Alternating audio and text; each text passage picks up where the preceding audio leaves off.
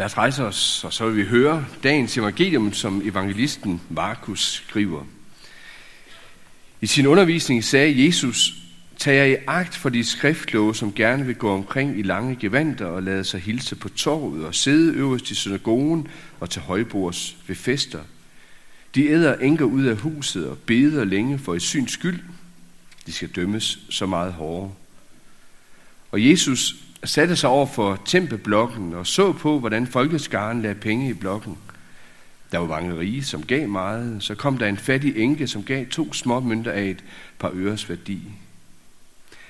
Jesus kaldte da disciplene hen til sig og sagde til dem, Sandelig siger jeg, denne fattige enke har givet mere end alle de andre, som lægger penge i tempelblokken. For de har alle givet af deres overflod, men hun har givet af sin fattigdom. Alt, hvad hun havde, alt det, hun havde at leve af. Amen.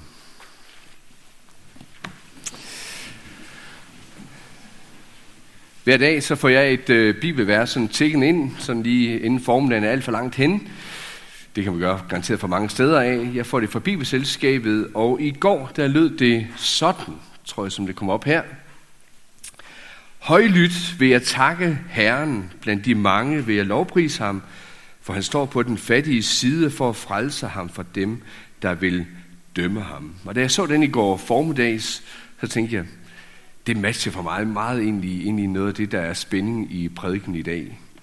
Jeg ved godt, det ikke er helt det, salmisten måske vil udtrykke som er Jesu pointe, men der er alligevel to sider, der bliver trukket frem i det her vers. Højlydt, synligt, altså, så jeg bliver bemærket ved at lovsynge, tjene, tilbede, virke for Herren. Ingen skal være i tvivl om, hvad jeg lægger for dagen. Andre de kan måske opleve sig, bare, bare lad være så stå, øh, Jan. Andre, de kan måske opleve sig, sig fattige, som øh, den anden side også øh, nævnte det. Fattig på mange måder. Måske fattig i, øh, i øh, ressourcer. Fattige i, i penge. Fattige i tid. Fattige i ånden. Og så alligevel i alt det her opleve, at de smuler, jeg kommer med, de udretter ikke synderligt meget. Og så kan der måske også være en vej midt imellem, at han har sagt, begge grupper eller begge stemninger, begge oplevelser kan være i, i samme person. Så synes jeg, jeg kan kende det.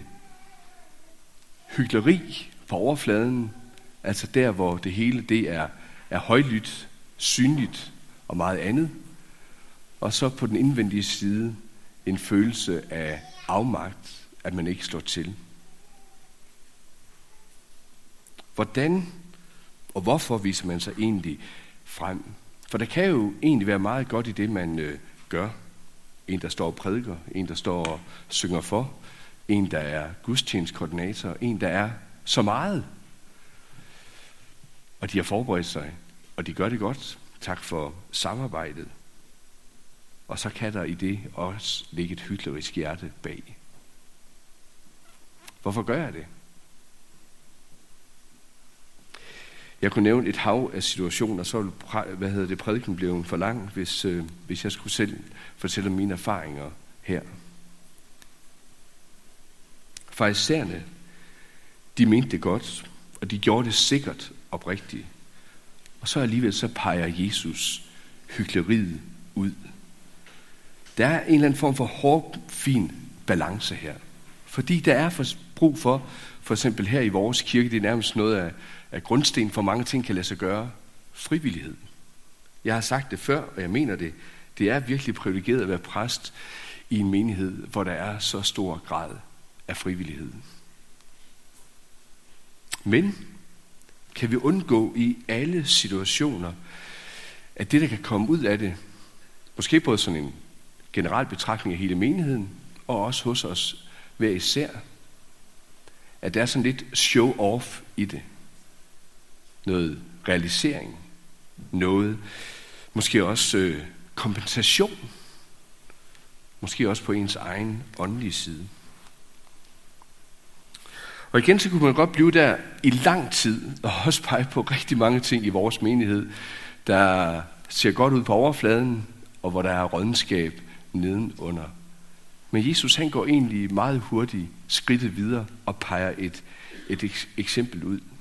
Midt i det her og pege alt det fejlagtigt ud, så viser Jesus for sin lille kreds, for disciplene, et eksempel.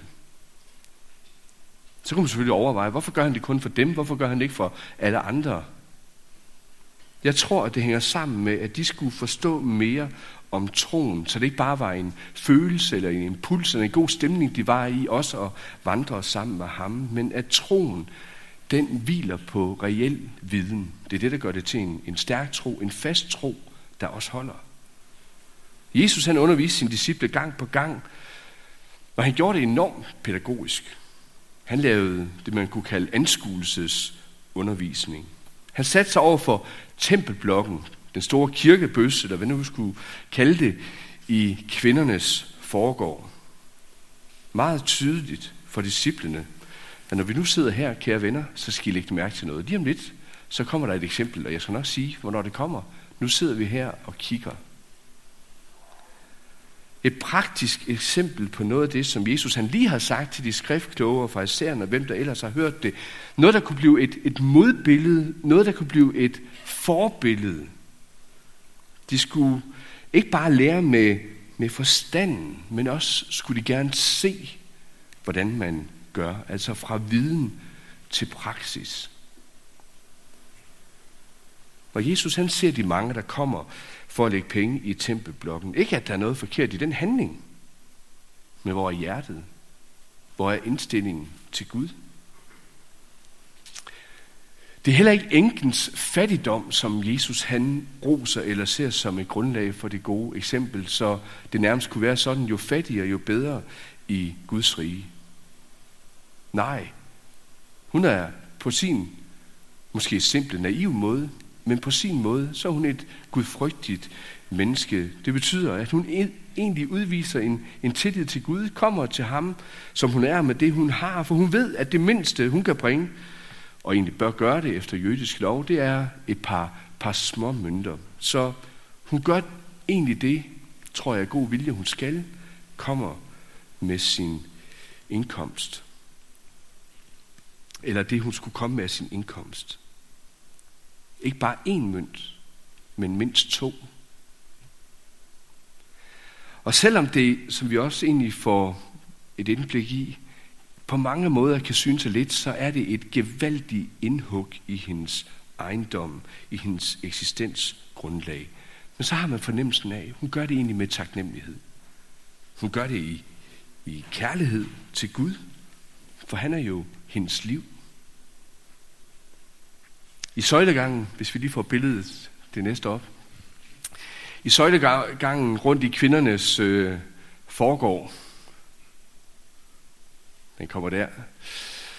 I den forreste gård her, så før selve tempelhelligdommen, øh, så var der jo mod syd, mod øst herud, mod os, mod nord, tre porter ind. Og der, hvor man nærmest kan se halvtaget i søjlegangen rundt, der stod der øh, sådan 13 basun formede kister eller, eller blokke til at samle penge ind i. De var smalle op i toppen, som man vidste, hvor man skulle putte, putte mønterne ind, og så blev de sådan bredere ned i maven, han er sagt på den. Og dermed også formet som basun eller trompet. Og på hver af dem, der stod der måske endda også meget pædagogisk, hvad pengene de gik til. På ni af de her 13, der var det lovbefalede gaver i forbindelse med med offringer, sådan som det var nævnt i det gamle testamente. Kan vi ikke bare skrue, eller slukke den helt så? Ja.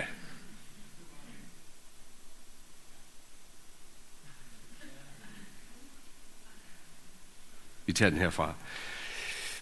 På de ni af dem, der var det øh, lovbefalet, hvad, hvad det var, der skulle gives til, og på de fire andre, der var det frivillige gaver, som man kunne komme med. På den her tid, hvor Herodes havde travlt med at bygge på templet, der var det som regel til tempelbyggeriet. Ligesom man også her kan give til kirkeinventar, hvis man gerne vil, vil det. Især den 13. blok, den der stod måske lidt til sidst, og jeg tror det her Jesus han har sat sig. Den var der noget særligt over. En tradition peger på, at når en person lagde pengene i den her basun eller blok, så blev det højt offentliggjort, hvor meget frivilligt selvfølgelig, der blev lagt. Altså udpassioneret. Og det var ikke sjældent, at man kunne se en flok slå sådan kreds tæt eller lidt på afstand af den her 13. blok, for sådan at følge med i, hvem der gav og hvor meget der nu blev givet. Og når blokken den blev tømt, ja, så foregik det nogle gange sådan, det gjorde det nogle gange i løbet af dagen, at pengene de blev båret ind i skatkammeret under basunklang. Så der var noget særligt lige netop ved den her blok eller den her pengebasun. Og måske er det, Jesus han tyder til i en praksis, som han siger det i bjergprædiken i Matteus evangeliet 6. Når du giver almisse, så lad ikke blæse i basunen for dig, som hyklerne gør det for at prises af mennesker. Jeg kan ikke lade være med at tænke på, at der måske ikke er så langt til det, som noget af det, vi oplever nogle gange, når der er de store humanitære indsamlinger, og de kan være meget gode. Også som sådan en, der lige er løbet over skærmen nu her inden for de seneste døgn og uges tid på, på TV2 med knæk cancer og flot med godt 163 millioner kroner til noget, der virkelig rammer dybt ind i mange menneskers liv. Det er slet ikke den side, jeg er ude efter at kommentere på, men jeg kan alligevel ikke lade være med at tænke på, om det ikke er lidt på samme måde, at tingene bliver udbationeret, hvem giveren af den store pengegave er, på 10.000, 100.000, 500.000, hvor meget det er. Nogle gange bliver det nævnt højt, og publikum kan sidde der og klappe, og ellers er der løbetekster nedenunder, hvor det står, og man skal jo helst give et minimum højt beløb, for at firmaet, fonde, enkeltpersoners navn kan stå der, og man kan sidde hjemme i sin egen stue og se, se hvor meget jeg gav, se hvor god jeg egentlig er. Jeg tænker også, at hvis det var mig, der gav mine to kroner, så ville der næppe blive gjort ret meget stats ud af det. At stå præst ved Aarhus Bykirke, han tog det Bækgaard, det ville være for lidt, det ville være for latterligt. Også selvom det var penge til et vigtigt formål. Jesus og disciplene, de har fulgt det her skue. Og pludselig så kommer den her fattige enke, og hun er synlig i det, fordi på den måde, hun er klædt, som er det meget tydeligt, at hun er, er enke. Og så lægger hun sit bidrag her som en frivillig gave. Et par håndører. Regner man lidt ud på det, så svarer det til en, en 64. 20. del af en denar, og en denar var cirka en dagløn. Så kunne man måske regne sig lidt om på det, at hvis nogen tjener 1000 kroner om dagen, så er vi måske nede på, før skat, tale om 15 kroner eller sådan noget. Var det nu en enke, måske op i årene, en pensionist, så er vi måske ude på cirka 5 kroner efter dagens tal i dag. Så hun kommer her og lægger sin samlede femmer. Og så vender Jesus det på hovedet.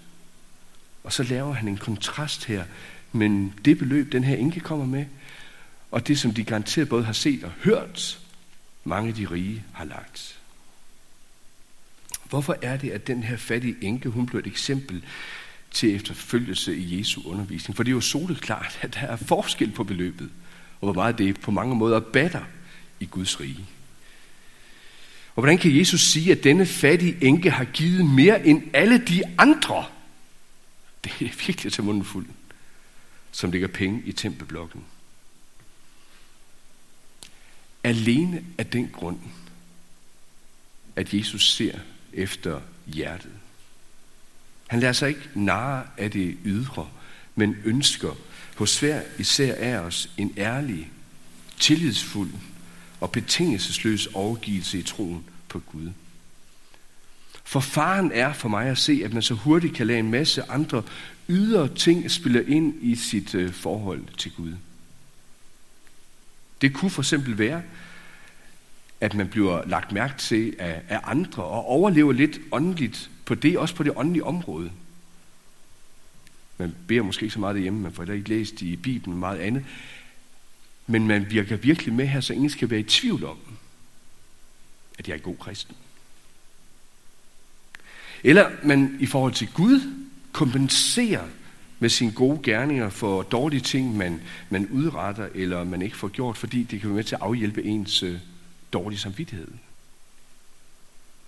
Eller man kan måske også komme dertil, at man forsøger at slå en handen af med Gud, at hvis jeg nu gør sådan og sådan, og gør det trofast, og gør det over længere tid og meget andet, vil du så ikke også gøre det sådan og sådan?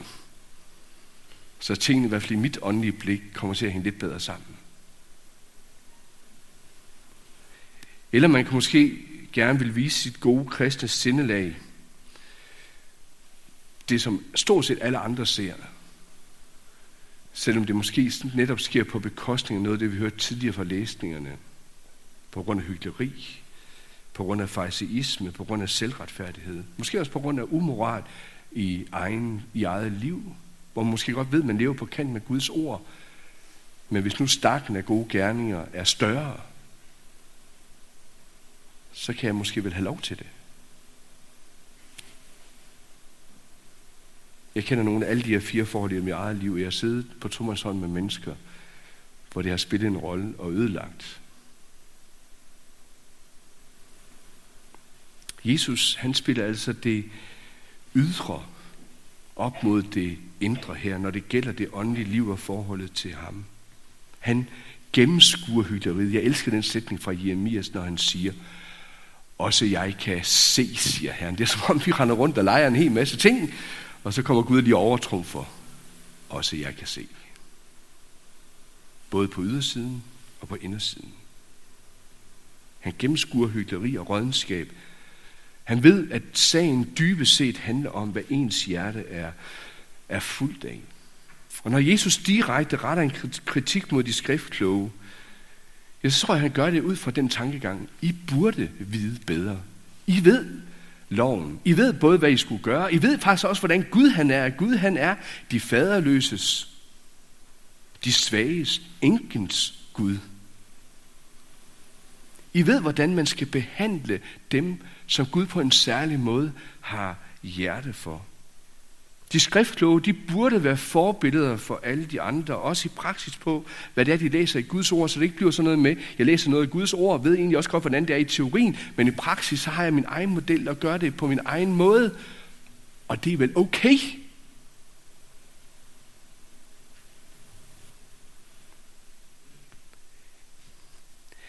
Jesus han sætter altså et meget skarpt spot på, hvad det, er, det betyder, når det ikke er overensstemmelse mellem det, man egentlig lærer ved, og den måde, man egentlig lever på og har sin praksis. Og ikke mindst i det her, som er det alvorlige, at man lever falsk i sit eget liv inden for Guds ansigt.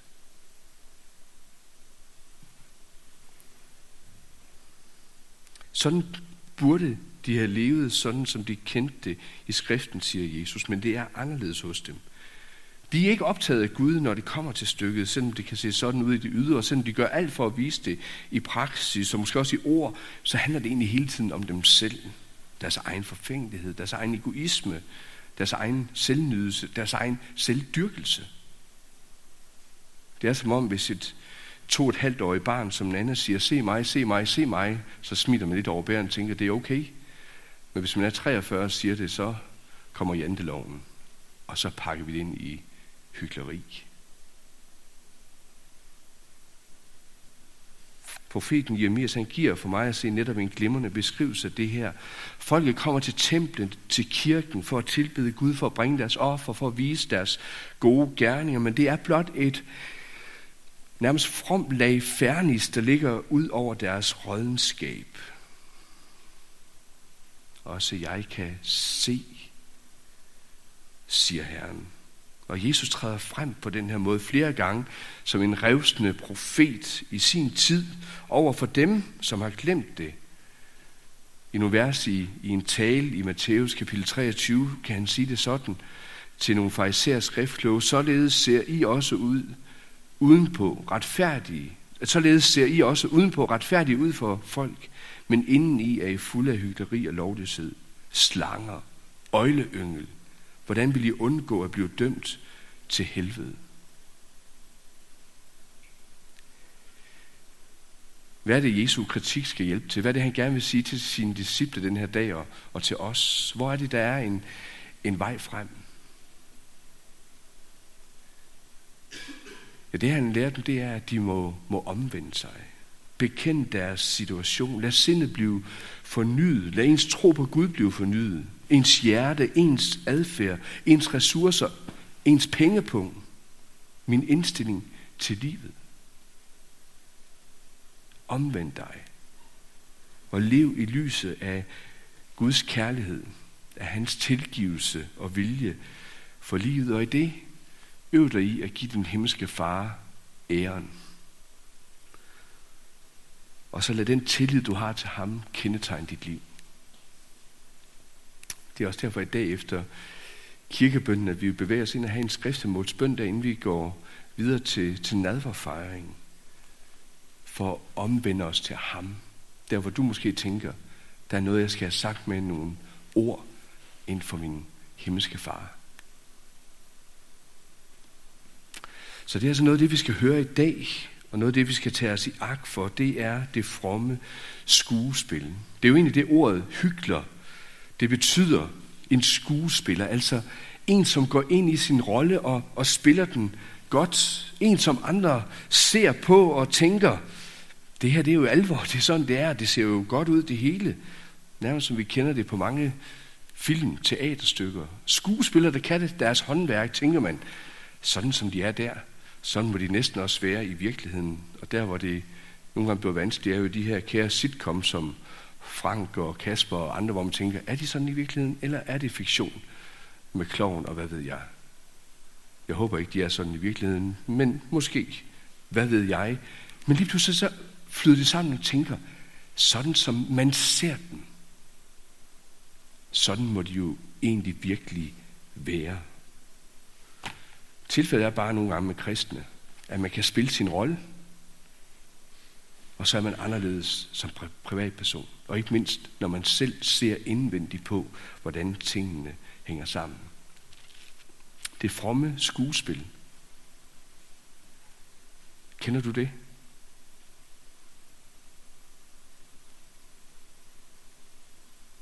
Er der måske en grund her til, at det kan være lettere at tjene Gud i det skjulte?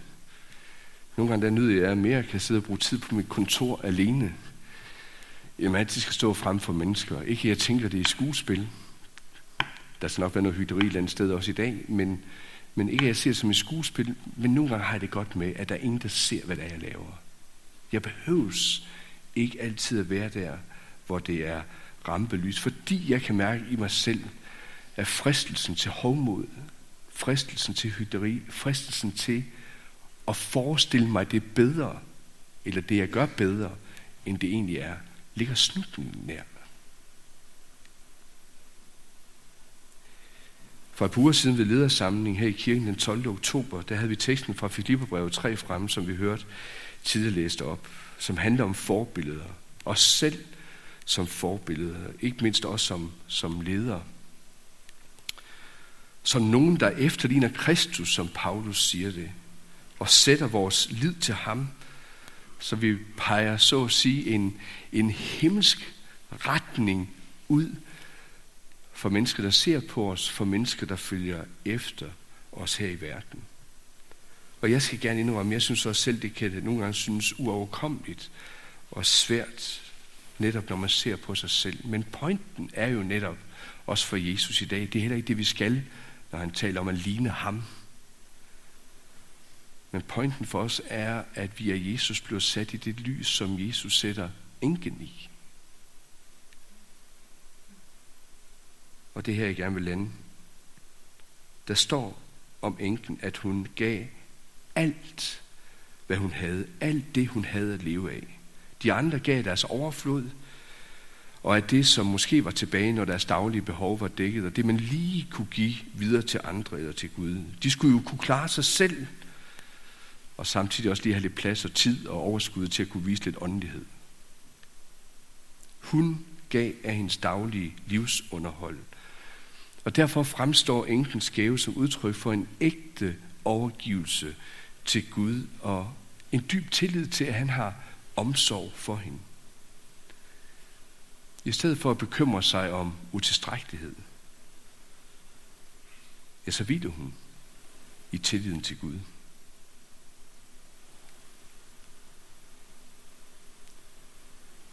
Må hun være det forbillede for os både i vores liv og i vores tjeneste for Jesus.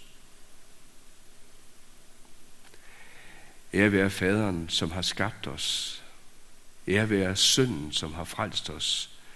Ære være Helligånden, som gør dette levende for os. Amen.